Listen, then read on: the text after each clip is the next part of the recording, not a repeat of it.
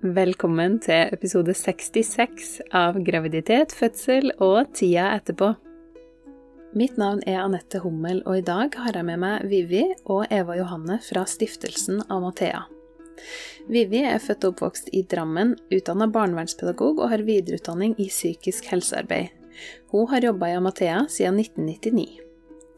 Eva Johanne er fra Namsos, er utdanna sykepleier i 2011 og jordmor ved NTNU i 2016. Hun har flere års erfaring som jordmor fra Ullevål sykehus og Sex og samfunn.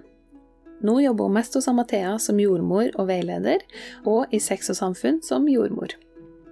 I dag skal jeg snakke med Vivi og Eva Johanne om bl.a. spontanabort, reaksjoner man kan ha i ettertid, og hvordan det er å være gravid igjen på nytt. Vi skal også snakke om provosert abort, og hvilke forskjeller og likheter det er mellom reaksjonene man kan oppleve, og hvordan det kan være å være gravid igjen på nytt. Hjertelig velkommen hit, Vivi og Eva Johanne. Tusen takk. Det er kjempefint å ha dere med her fra stiftelsen Amathea. Det er jeg veldig glad for at jeg har fått med meg dere. Kan ikke dere starte med å fortelle litt om dere og deres bakgrunn? Vivi, har du lyst til å starte? Det kan jeg godt gjøre.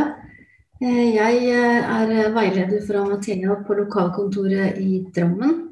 Eh, her har jeg jobba faktisk siden 1999, så det begynner å bli ganske lenge. Jeg har hatt noen permisjoner innimellom og gjort noe annet, men jeg har alltid vært veldig glad i Mathea. Jeg er utdanna barnevernspedagog og har tatt en del videreutdanninger. Og det viktigste i denne sammenheng er vel at jeg har psykisk helsearbeid som, eh, som fordypning. Mm. Kjempefint. Ja, jeg syns det er spennende at du er utdanna barnevernspedagog. For at, um, jeg, var på, jeg, var på, fødselsfestivalen tidligere i, i, høst, og da ble det sagt bl.a. at um, svangerskaps-, fødsels- og barselomsorg er barnevern. Og det gikk så innmari inn hos meg. Det syns jeg var så sterkt. Og det er jeg så enig i. ja, det vil jeg tro. jeg tror ikke det går an å jobbe mer forebyggende enn, enn å jobbe her. Mm. Jo, man kan ikke komme tidligere i kontakt med folk eh, enn vi gjør her hos Amathea i forbindelse med graviditet og valg og avveininger og svangerskap. Så vi kom jo veldig tidlig i posisjon til å kunne bidra inn og hjelpe og støtte så godt som vi bare kan. For alle måter. Mm. Ja, kjempefint. Det er så viktig. Og eh, Eva Johanne, hei. Hei sann. Um, jeg er 32 år. Jeg har vært sykepleier i ti år faktisk nå. Ja. Og jordmor har jeg vært i fem-seks år. Og den arbeidserfaringa jeg har nå de siste årene, er um, mange år på føden på Ullevål. Og så har jeg faktisk jobba i Amathea bare ett år nå. Uh, så jeg er ganske fersk i akkurat det veiledningsfaget. Men uh, jeg har mye erfaring med, uh, med både damer og par som er gått gjennom diverse aborter på sykehuset og dødfødsler. Yeah. Så mye av det tar jeg med meg også inn i veiledninga og kan støtte dem som gjennomgår akkurat det samme. Da. Mm.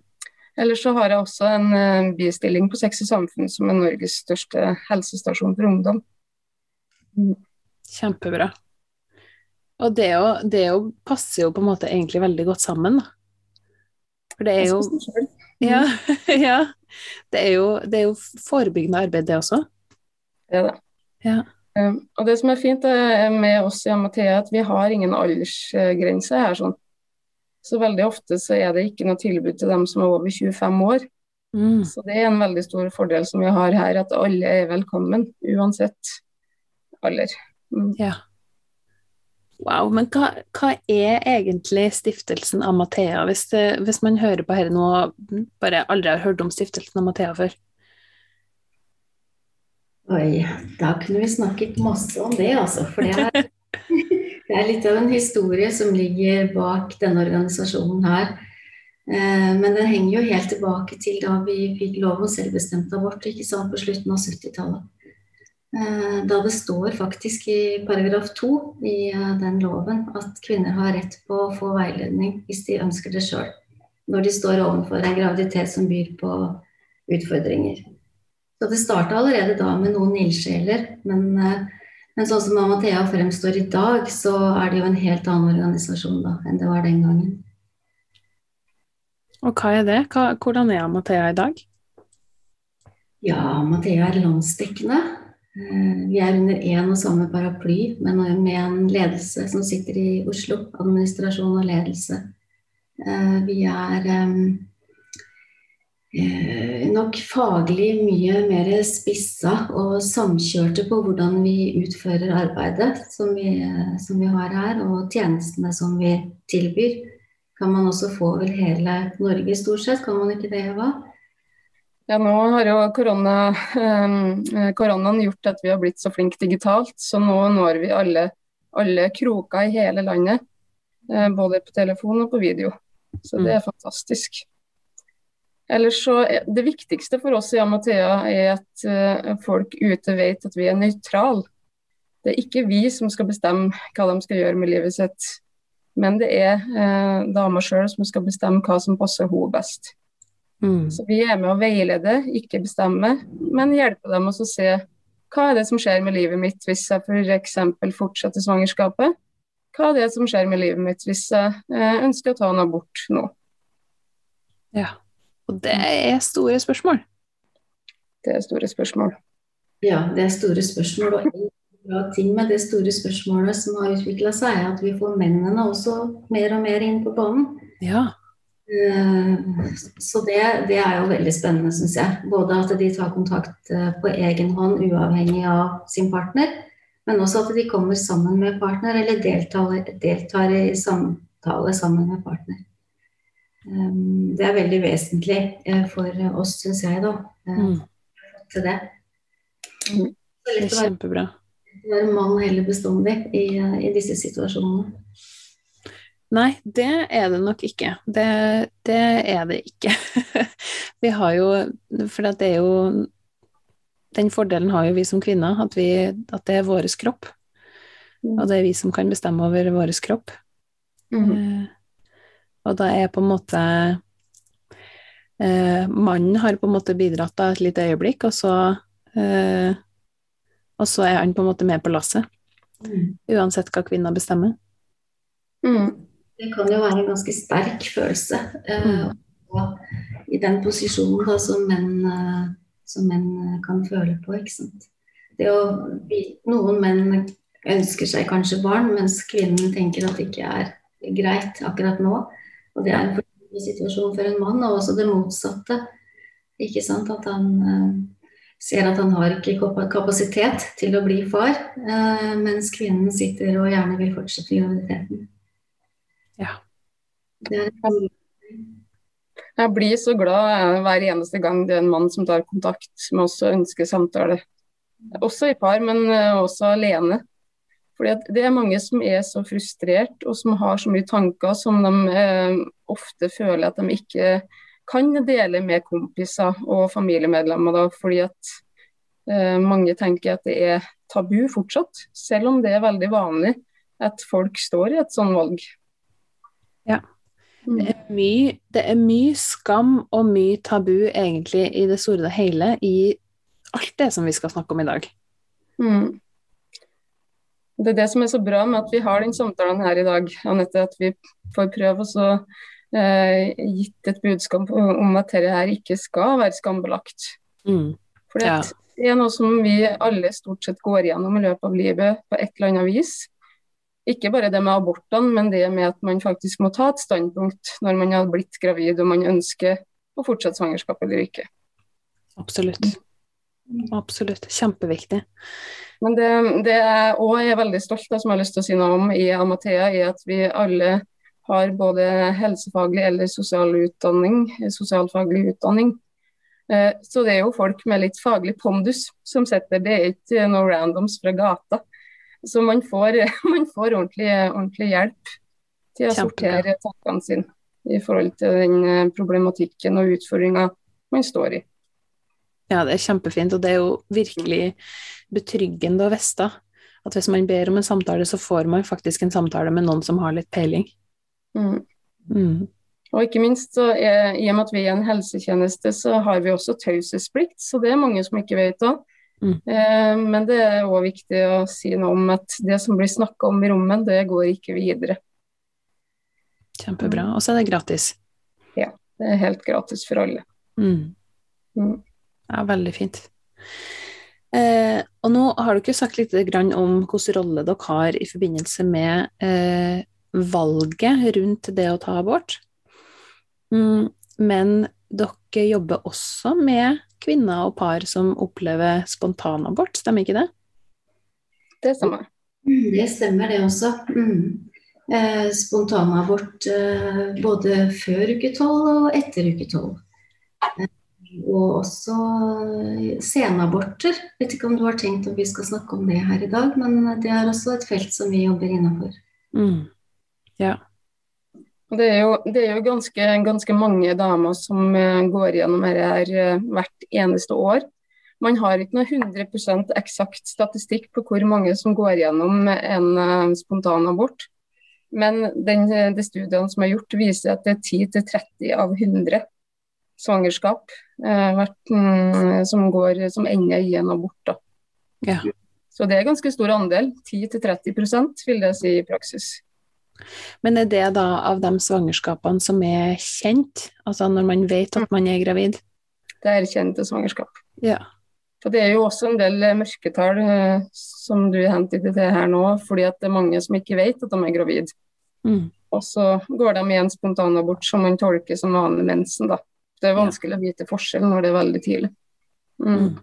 Absolutt. Så, så det, det, gjør at dette her ekstra viktig å snakke om, fordi det er veldig veldig mange som går gjennom dette uten at man tør å snakke med dem som er seg nærmest. Mm. Ja. Mm. ja. uten tvil. Og jeg har jo, jeg har jo vært eh, ganske åpen både på podkasten og i sosiale medier om at jeg har opplevd to spontanaborter sjøl, og at det har vært beintøft for meg. Det har vært ordentlig, ordentlig vanskelig. Eh, og jeg tenker litt på det her, det her med at um, når jeg opplevde og uh, fortalte om det, at jeg opplevde det, så oppdaga jeg plutselig at det var jo mange rundt meg som hadde opplevd det samme, Uh, men som aldri har sagt noe om det før. Uh, og hva er det som gjør Har dere noen tanker om hva det er som gjør at det temaet her er så tabubelagt, når det er så vanlig? Man snakker jo ikke om det før man vet at den andre har opplevd det samme. Og Det, det syns jeg er veldig spennende spørsmål, for det har jeg tenkt ofte på sjøl også. Hva kan det faktisk være? Og jeg tror, jeg tror, jo at det er veldig sammensatt, for jeg tror også kvinner, kvinner imellom ikke er så flinke altså, til å dele det med hverandre. Og hvorfor vi har lært oss til å ikke gjøre det, kan det ha noe med at vi har, altså det har vært en tøffhet rundt det at nei, da bare biter vi tennene sammen og så går vi på, og så får vi en ny graviditet, og så går det sikkert bra neste gang. Mm. Og vi skal på en måte dvele ved det, men gå videre og tenke at det ordner seg på sikt, på et vis, da. Eh, jeg syns jo også at helsevesenet selv i dag kan være prega litt av den holdningen. Når jeg hører kvinner som forteller meg om møter de har hatt med legevakt eller fastlege, eller også sykehus for så vidt, at det er liksom Ja, ja. Jo, det er en spontanabort du eh, holder på med eller har hatt. Eh, det går greit. Du var under tolv uker gravid. Bare gå videre. Eh, det trenger ikke noe oppfølging. ikke sant? Det er så normalt. Det skjer med så mange som Eva var inne på. Eh, sånn er det bare. Naturens gang. Mm. Så, så, det blir som ikke, Man setter ikke av tid, eller man har ikke valgt å sette av tid til å dvele noe ved det følelsesmessige som er knytta til en sånn opplevelse. da.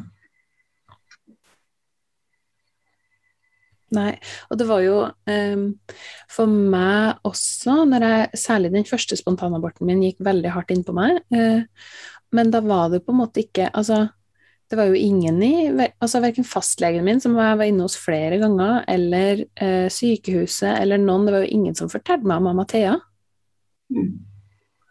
Det gjør meg litt trist. Ja. Men det betyr bare at vi må jobbe enda hardere for å nå ut eh, til alle som trenger oss i hele Norge. Mm. Eh, men angående det spørsmålet du nettopp stilte nå, så har jeg noen erfaringer med klienter som har fortalt meg at Årsaken til at de ikke har sagt noe om sine opplevelser, er at de føler skam knytta til sin egen kropp. Ja. At kroppen min greide ikke å beholde graviditeten, kroppen min funker ikke bra nok, det er noe galt med meg. Mm. Og da har vi en viktig rolle, vi som har den kunnskapen, å fortelle dem om at det at du går i spontanabort, det har ingenting med deg å gjøre. Mest sannsynlig så er det noen genetiske feil. Ikke noe galt med deg, men noe galt som gjør at egget ikke utvikler seg normalt, f.eks. Mm. Og hvis man opp Eh, opplever spontanaborter en rekke ganger, så kan man ha noen sykdommer underliggende som man ikke er klar over, som blødningsforstyrrelse f.eks. Men oftest så er det ikke noe galt eh, med deg som eh, dame. Da er det rett og slett som Vivi var inne på, det er naturens gang som selekterer eh, ting som ikke ville overlevd på et senere tidspunkt uansett. Mm. Nettopp. Men det er en fattig trøst når man setter den situasjonen selv. Mm. Veldig fattig trøst. Og jeg tenker også at det er veldig lite sånn forebyggende tenkning i å ikke ta det på alvor. Eh, og møte kvinnen seriøst på alvor i den smerten hun opplever knytta til å, å spontanabortere. Da. For da, da, er vi inne på det med neste gang man blir gravid. ikke sant? Hvordan man opplever det, og hva man drar med seg fra den erfaringen med spontanaborten. Mm kan man bli livredd. ikke sant? Unødvendig livredd neste mm. gang gravid, fordi man ikke har fått den samtalen og muligheten. Nettopp. Det er jo veldig, veldig store og viktige ting eh, å bearbeide, og hvis man ikke får bearbeidet det ordentlig, så vil det jo sannsynligvis dukke opp eh, en, ved en eventuelt neste graviditet, da. Mm. Eh, I hvert fall for en del. Ja, Det handler mye om eh, for mange òg, og nå snakker jeg ikke på min, min, erfaring, for jeg har ikke gått gjennom en spontanabort og har ikke, har ikke egne barn heller. Men jeg har jo min erfaring som jordmor over mange år nå. Eh, så det først og fremst er at mange, mange, tenker at nå er det noe galt med kroppen min, og at eh, det ikke blir snakka noe om i det offentlige eller blant bekjente og venner. Men så handler det òg eh, for veldig, veldig mange om å prøve å glede seg over at man har blitt gravid på nytt igjen. Da. Fordi at mm. det er sånn som Vivi sier, mange henger seg opp veldig i sine tidligere erfaringer med god grunn, fordi at det er veldig tøft for mange. Eh, men ut ifra den forskninga som jeg har lest eh, tidligere, så er det ingen større risiko for en ny spontanabort hvis du har opplevd bare én fra før av. Men den øker betraktelig hvis du har to-tre i bagasjen. Mm. Da er det større eh, sjanse for at det skjer igjen. Men da er det stort sett en årsak til det som eh, ofte kan løses. Ja, ikke sant. En uoppdaga årsak. Mm. Ja. ja. Det er jo kjempe, kjempeviktig. Og det er jo Jeg kjenner meg veldig igjen i det som, det som dere beskriver også i forhold til, eh, i forhold til det med å være gravid på nytt. Eh, for jeg har jo hatt to spontanaborter, og da jeg var gravid andre gangen, så var jeg altså så livredd. Mm. Det var nesten ikke plass for noen andre følelser enn frykt, og egentlig en slags sorg òg. Mm. Uh, og det, det syns jeg var ganske tøft. Og så, og så gikk det jo galt den gangen òg, så da fikk jeg jo på en måte rett i tillegg. Mm.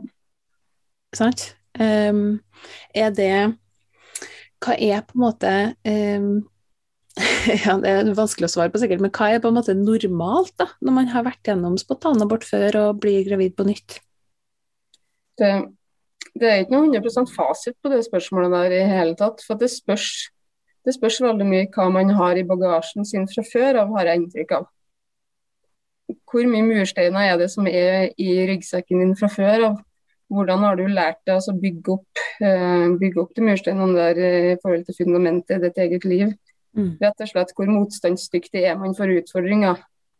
Men de aller, aller fleste reagerer på et eller annet vis etter en spontan abort. men det varierer veldig om man har god nok støtte i f.eks. partner, eller om man trenger å søke videre hjelp til psykolog eller til oss i Amathea f.eks. Mm. For mye er gjort bare man får lufta tankene sine. og eh, For veldig mange så er det en overraskelse eh, at det her er så normalt. Mm. Og at reaksjonsmønsteret er helt normalt. Man er ofte lei seg Rett og slett fordi at ting ikke ble som man har håpa på. Og det som er vanlig også, er at veldig tidlig når man finner ut at man er gravid, så ser man for seg hvordan livet skal bli framover med barnet. Ja. Mm, så det er den sorgen der ofte som er, er tøff uh, når den kommer så tidlig. Mm. Og så vil jeg gjerne si, i tillegg til det, Eva, så vil jeg si det her med, med tidsperspektiv har jeg litt erfaring med. òg. sånn, mm. Man har spontanabortert en gang. altså Hvis man blir veldig sånn grepet av at man skal, prøve, man skal bli gravid igjen med én en, eneste gang, så fort som bare mulig. Og hvis det også lykkes da å bli veldig fort gravid igjen, så har du på en måte ikke lamma spontanaborten. Du har ikke bearbeida spontanaborten i noe særlig grad. Du har bare liksom hoppa deg videre. Eh, det kan være litt eh, vanskelig emosjonelt. Da kan de to graviditetene på et vis blande seg litt i hverandre, sånn rent kognitivt. Eh, og da kan nummer to-graviditeten bli ganske utfordrende også av den grunn. Mm. Så en ting til er det med skyldfølelse, da. Syns jeg også dukker opp. Altså, var det noe jeg gjorde eh, de to-tre ukene før jeg visste at jeg var gravid? Um, jeg var på fest jeg spiste sushi. Uh, jeg tror kanskje jeg, jeg tok noen sovetabletter et par dager her og der. Altså, ting som Kan det være årsaken til at jeg spontanaborderte. Og den, da kan man snakke mye om det, men den, man har en slags sånn skyldfølelse knytta til at man kanskje har forårsaka det selv. Da. Den må jo tas ordentlig på alvor og, og undersøkes skikkelig, føler jeg, før man kan legge det til side. for som regel er det absolutt ikke noe grunn til å tenke sånn. Det er som Eva sa i stad, stort sett så er det naturens gang som gjør at uh, spontanabort uh, skjer, da. Mm. Jeg har aldri vært borti at det har vært dama sin feil. Det, men det er klart, det er jo det, den letteste å skylde på i sånne situasjoner er jo seg sjøl, dessverre. Ja. Mm. Men men det er jo selvfølgelig noen, noen eh, kvinner òg som ikke er så prega etter en spontanabort òg, for det varierer jo veldig hvordan vi tar ting. Mm. De aller fleste er lei seg og syns det er tøft. Så det er viktig å normalisere de følelsene. Noen har det så tøft at de trenger en sykemelding noen uker. Mm. Ja, ikke sant. Og det er jo um, det jeg, jeg, deler, jeg, deler, hele min historie i, i episode 50 og, og 51. Um, mm. Så hvis folk har lyst til å høre hele den, så kan de gå tilbake og høre, og høre der. Men um, det, det, var noe av det som jeg syns var så tøft, var, var, det at jeg følte meg unormal. For jeg, jeg liksom googla litt, og så så jeg ja, det er vanlig å liksom få et par dager med sykemelding til du liksom er ferdig med den verste blødninga, og så er det vanlig å gå tilbake på jobb, på en måte. Eh, men det var ikke mulig for meg å gå tilbake på jobb etter et par dager. Det var helt uaktuelt. Mm. Sånn at jeg var liksom Jeg var jo hjemme i, jeg var hjemme i et par måneder, tror jeg. Mm. Før jeg var klar for å begynne litt forsiktig på jobb igjen. Eh, og jeg var ikke tilbake i full jobb før lang tid etterpå. Eh, og det er klart, det er, jo, det er jo som dere sier, det kommer an på hva man har i bagasjen. ikke sant? For jeg oppdaga etter hvert at det handla jo ikke bare om den spontanaborten, det handla om mye mer. Eh, og en, en, utbrenthet som jeg ikke hadde tatt på alvor, og litt forskjellige sånne ting. Men, men, det var jo spontanaborten som utløste, og det gjorde jo at jeg følte at jeg er, jeg er sikkert svak. Jeg er sikkert en sånn en som ikke er i stand til å håndtere vanskelige situasjoner, ikke sant. Altså, hvorfor klarer alle andre det her, og ikke jeg? Mm. Men da noen skulle fortalt at alle andre klarer det ikke. De mm. trenger hjelp. Veldig mm. mange trenger hjelp og trenger en pause. Til uh, komme til oss da, Anette. ja. For det er en av de tingene som veiledninga vår eh, kan eh, hjelpe til med da, er jo å sortere. ikke sant? Hva er det som, så hva er det du tenker, hva er det du føler? Og hvorfor sliter du på denne måten? Og da får man jo kartlagt ofte hva, altså skilt litt på hva som er årsaken til det. Og mengden av ting vi står i samtidig, har jo veldig mye å si. Akkurat som eh, Eva sa i stad, og som du sa nå. Står man i en dårlig relasjon til barnefar, står man i et vanskelig økonomisk forhold, har man problemer med å få seg ordentlig bolig, er man midt i et studie altså Det er så mange varianter her mm. som gjør at vi reagerer forskjellig. Da. Og har lov til selvfølgelig å reagere forskjellig. Ja. Ja, det er kjempeviktig. Og, og, og det der med at man har lov. Man har lov til å reagere forskjellig. Mm. Mm. Kjempefint. At um, mange, mange føler, eh, og nå snakker jeg av, av um, tilbakemelding fra klientene jeg hadde, mange føler, eller, føler litt som at tida stopper opp når man går gjennom en abort. Og Det kan også være om man har eh, tatt en provosert abort også. Mm. Men problemet er jo at verden stopper faktisk ikke opp. Man har fortsatt masse krav rundt seg, både fra jobb og både fra private. Kanskje har man barn fra før av. Og så har man venner som gjerne vil møte deg.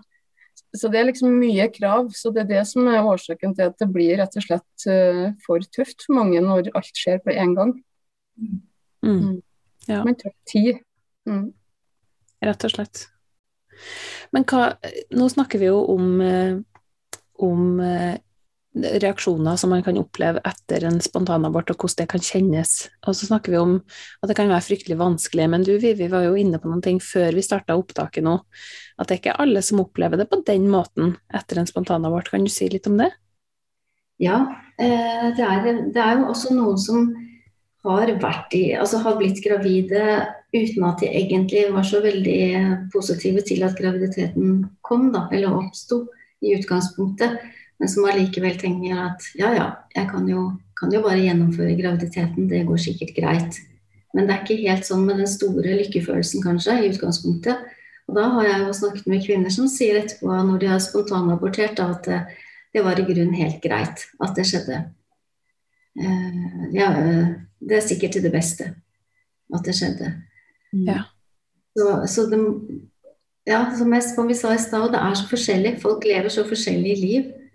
Uh, og, og, det er også forskjell om det er første gang du er gravid, eller om du har to friske barn fra før, og det er tredje gang du spontanaborterer, ikke sant. Eller, altså, ja, variablene er veldig, veldig, veldig store, altså. Mm. Den lettelsen den har jeg også erfaring med at mange kjenner på hvis man står i valgsituasjon.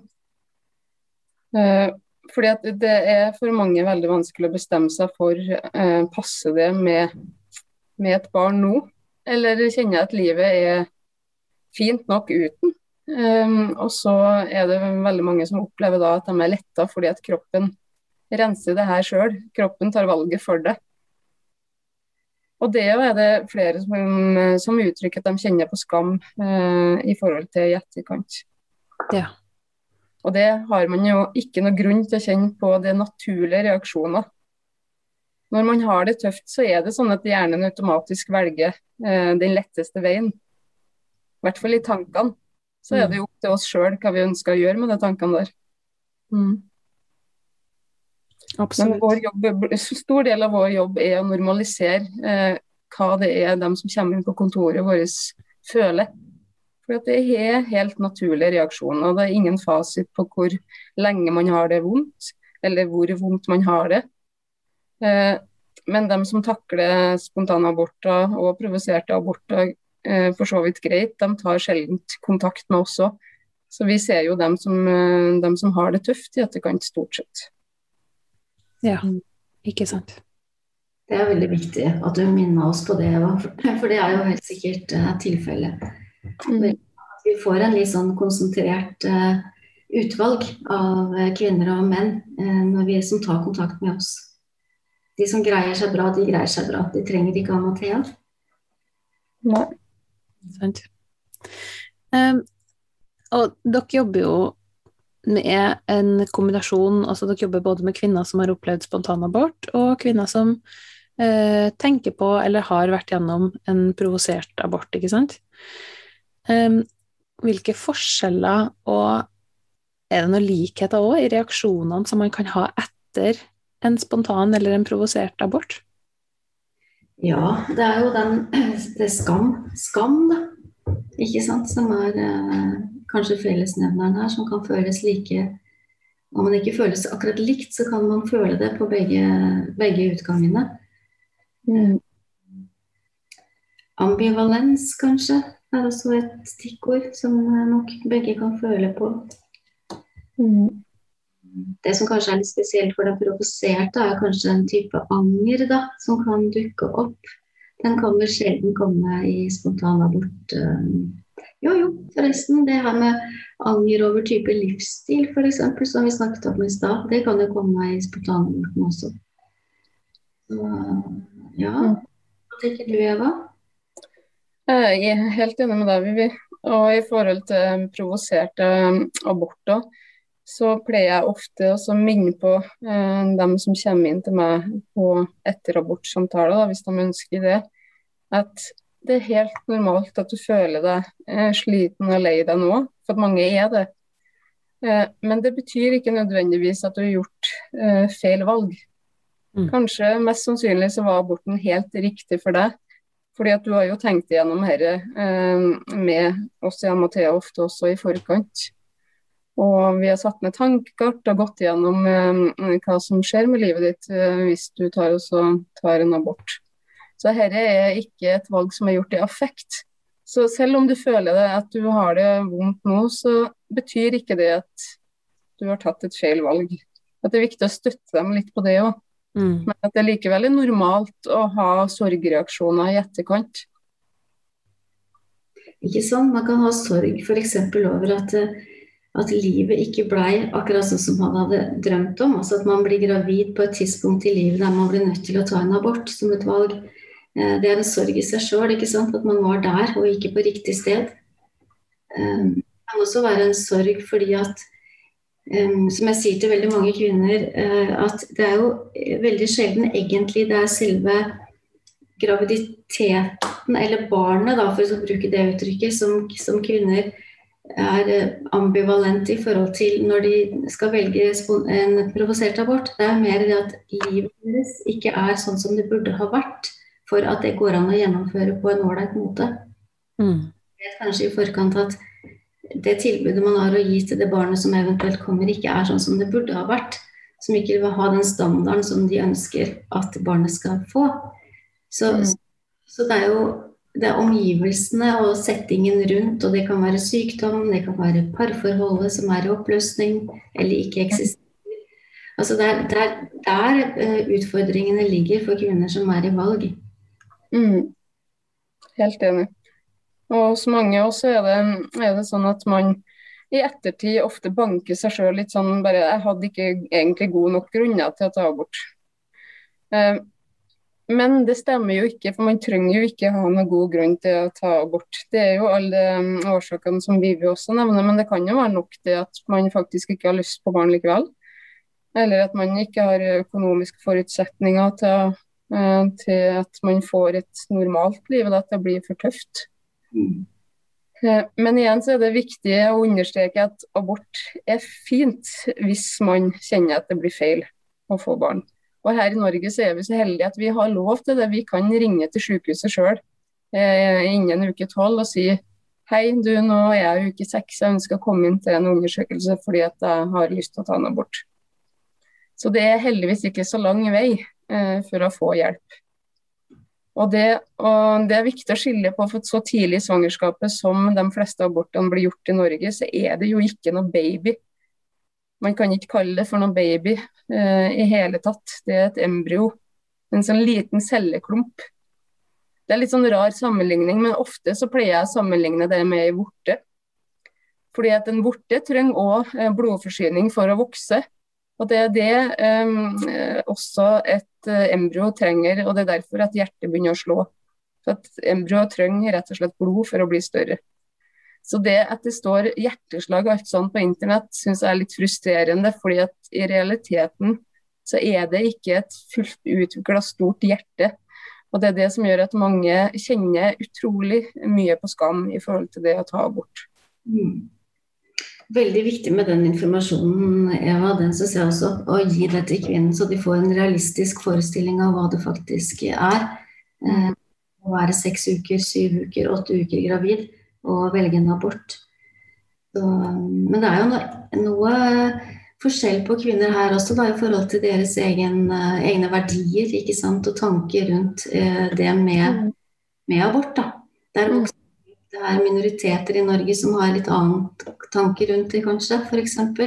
Som har litt andre ting de trenger å drøfte på en veiledning, og som være norske minoriteter òg, for så vidt. Altså sånn type Jehovas vitner eller andre religiøse grupper som også har store utfordringer knytta til det. Men her hos Amathea så har vi jo samme respekten for alle kvinner. Så vi, det er ikke viktig for meg når jeg er veileder om uh, hva slags verdi kvinnen har knytta til det. Jeg bruker hennes ord uh, når hun kommuniserer med meg som utgangspunkt for å veilede henne. Så hun kan ta det valget som, som hun kan leve med da, på en god måte. Det er, mm. det. det er det som er viktig. Mm. Vi driver jo ikke noen form for terapi. Eh, det pleier vi alltid å starte veiledninga med å si. At vi er en nøytral tredjepart. Eh, eller andrepart, og det spørs om hun har med partner eller ikke. Som kan hjelpe deg å se mulighetene du har framover. Mm. Uansett om du ønsker abort eller om du ønsker fortsatt svangerskapet, så heier vi Amathea like mye på det. Mm. Det er helt, viktig, helt, riktig, og det er kjempeviktig at, uh, at vi får til det. Og det syns jeg faktisk jeg kan skryte av å si at vi er innmari flinke til. Vi får veldig veiledning, vi også som jobber i Amathea, av, uh, av psykolog. Så, så, vi blir ganske gode på det der, altså. Og vi bruker vår egen metode. Uh, så vi er veldig nøytrale. Mm. mm. Veldig respekt for kvinnen og hennes unike situasjon og hennes hennes eh, enestående liv som vi bare blir kjent med bitte lite grann. Vi får jo bare, kanskje gjennom en to-tre veiledningstimer, bitte lite blikk inn i hennes liv. Og må alltid liksom ha med oss det at eh, her er det mye, mye mer som ikke vi vet om. Men det er kun henne som, som kjenner seg og, og, og sitt. Og, og, vet hva som er riktig. Mm. Mm. Ja. Uh, og det er det er litt sånn um, uh, Litt sånn tosidig og nesten litt sånn vanskelig for meg å, å høre nesten det som du uh, sier, Eva, som selvfølgelig er kjempeviktig informasjon eh, om det med er det et embryo eller er det en baby, hva er det som er på en måte Altså, man kan, jo ha en, man kan jo ha en lang diskusjon og en samtale om når er det et liv, ikke sant. Og ja. det er det jo på en måte ikke noe fasit på. Um, men det, det, for meg så handler jo det om at jeg jeg har jo på en måte vært på den andre sida, der jeg veldig intenst har ønska meg et barn og ikke har fått det til, og har mista to ganger. Og da er det jo det som, tilbake til det som dere snakka om i, i, begynnelsen egentlig av opptaket, at, uh, at det er jo ikke det er ikke bare tapet av det embryoet, det er jo tapet av den drømmen og det som skulle komme etterpå. Um, mm. Fordi at uh, fordi at det er Ja, altså det er på en måte vanskelig for meg å høre de tingene som du sier, fordi at for meg, jeg har mista en baby. Mm. Selv om det ikke var en baby ennå. Mm. Det er det som, det som, veldig mange gjør når det er en abort. Hvis det er en situasjon der man ønsker seg barn. Man personifiserer embryoet, da. Man gjør, man gjør, det til noe helt annet enn, enn en celleklump. Mm. I seg og i følelsene sine og tankene sine. Mm da blir det en helt annen opplevelse når man også eh, mister det, da. Man mister kanskje noe mer fordi man har knyttet seg til det på et vis. Og mm. forhåpninger, forventninger og framtidsdrømmer og kanskje til og med mm. planer eh, mm. til eh, det man bærer i livmoren, da. Mm. Ja. Det, det er, jo, det er, jo, forskjellige definisjoner. Skal, jeg skal ikke snakke om noen sånn kjedelige definisjoner. Men sånn hoved, hovedskillet mellom embryo og foster er i de fleste litteraturene etter uke åtte. Utgangen av uke åtte, liksom etter det, så er det et foster. Så det spørs så helt når man velger å ta den aborten. Mm. Men det er veldig viktig det du sier, Anette, at, og Vivi, at det er veldig individuelt hvordan man ser Eh, ser på svangerskapet, eh, tidlig i svangerskapet.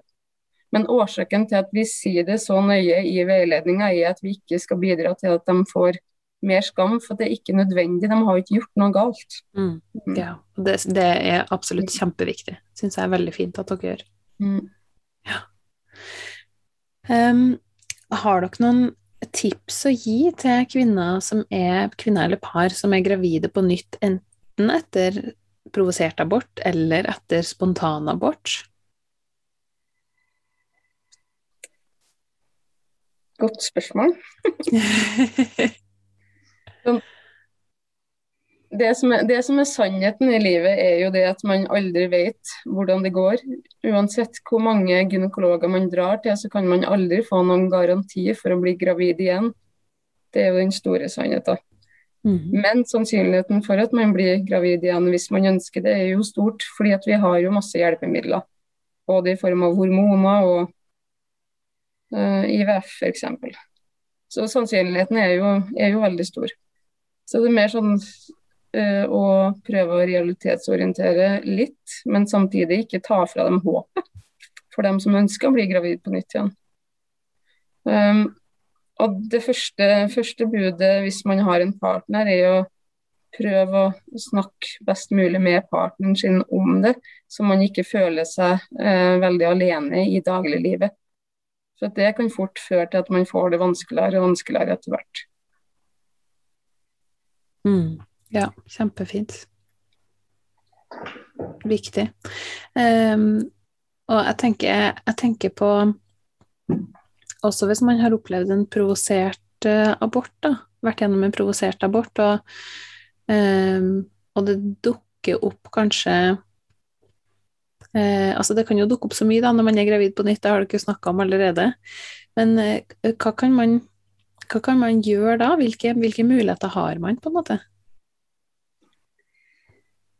Ja, det første mulighet er jo rett og slett eh, Eller det er egentlig samme råd der om det er provosert abort. For at Som vi var inne på i stad, så er det jo veldig mange årsaker til det. Mm.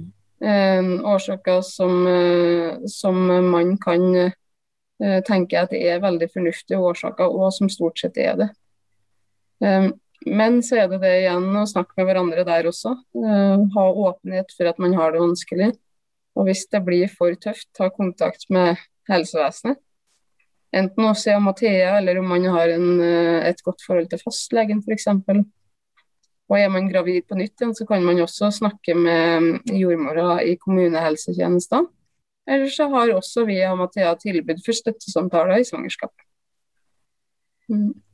Ja, så man kan også komme til dere hvis man er gravid og eh, ikke er usikker på om man vil beholde svangerskapet eller ikke, men man trenger litt støtte i forbindelse med opplevelser man har hatt før. Ja. Mm. Og hvis, hvis, vi etter noen samtaler da ser at vi kommer til kort for å hjelpe kvinna her at hun rett og slett kanskje er for deprimert, eller at hun har det for vanskelig, så er det vårt ansvar å henvise videre til dem som driver med terapi igjen. Ja. Mm. Og det har jeg lyst til å si også sånn at Vi har jo veldig stort nettverk. Alle lokalkontorene har jo knytta seg opp imot uh, helt uh, Ja, hva skal vi si? Altså fra, fra leger til uh, Vi har faste møter med sykehuspersonellet. Jeg har gynekolog på sykehuset som jeg har god kontakt med.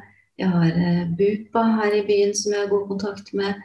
Og mm, ja, nesten det meste. Altså som Nav-kontoret kan man jo ha god kontakt med. ikke sant? Så, så vi kan også være sånn type los eh, hvis man føler seg litt eh, lost i situasjonen og man kjenner på disse tingene. Men hva gjør jeg, liksom? Jeg, jeg trenger hjelp, men jeg vet ikke hvor jeg kan få det.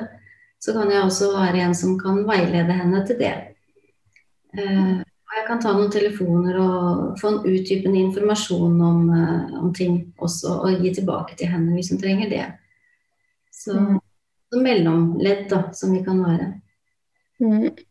Så du som har opplevd provoserte aborter eller eh, spontanaborter, er aldri alene. Det er alltid noen her i Amathea som kan, kan lose, lose, deg videre, som vi sa, hvis vi ikke får til å hjelpe deg. Mm.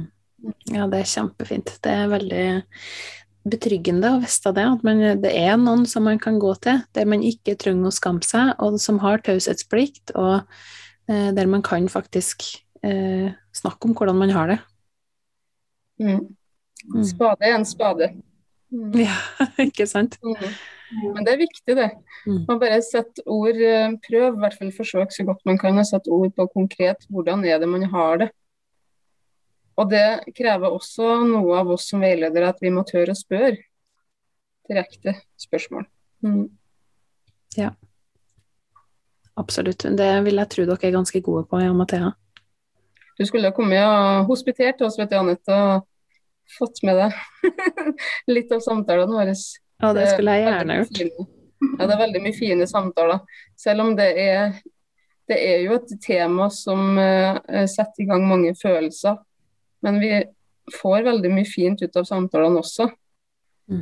Rett og slett fordi at uh, man hjelper, hjelper, dem som kommer på besøk til oss, og så fyller på, fyller på verktøykassa si litt, så man ser at har, uh, de har utbytte av det og kommer, kommer tilbake til oss uh, på flere timer. Så det er veldig hyggelig. Mm, så bra. Kjempefint.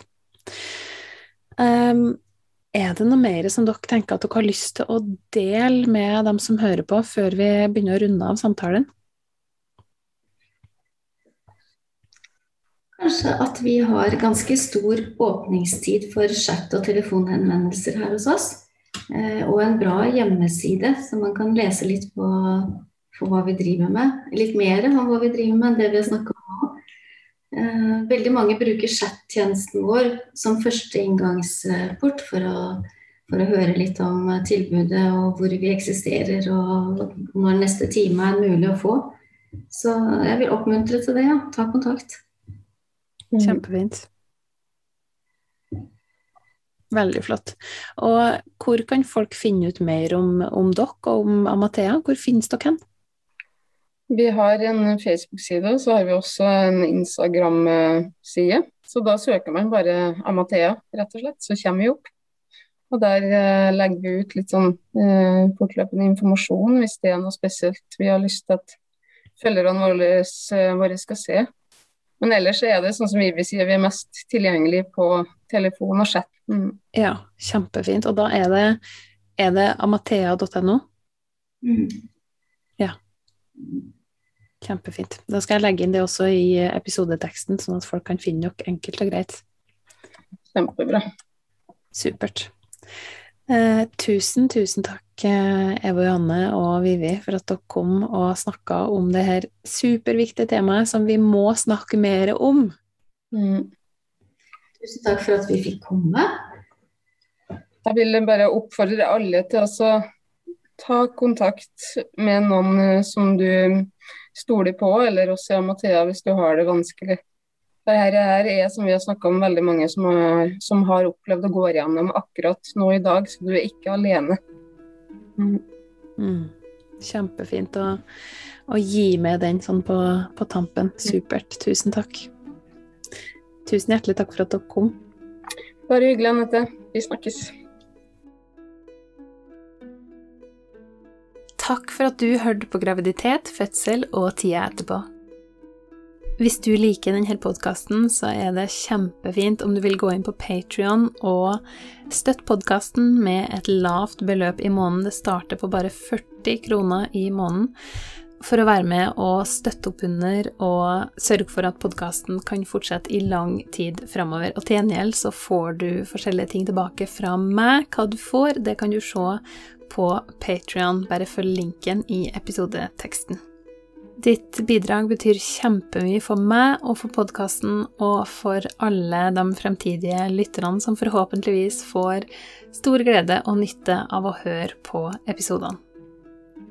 I tilfelle det var noen tvil, så vil jeg også nevne at jeg ikke er verken lege eller jordmor. Temaene som tas opp på denne podkasten, er kun ment som generell informasjon, ikke som råd eller oppfordring til handling.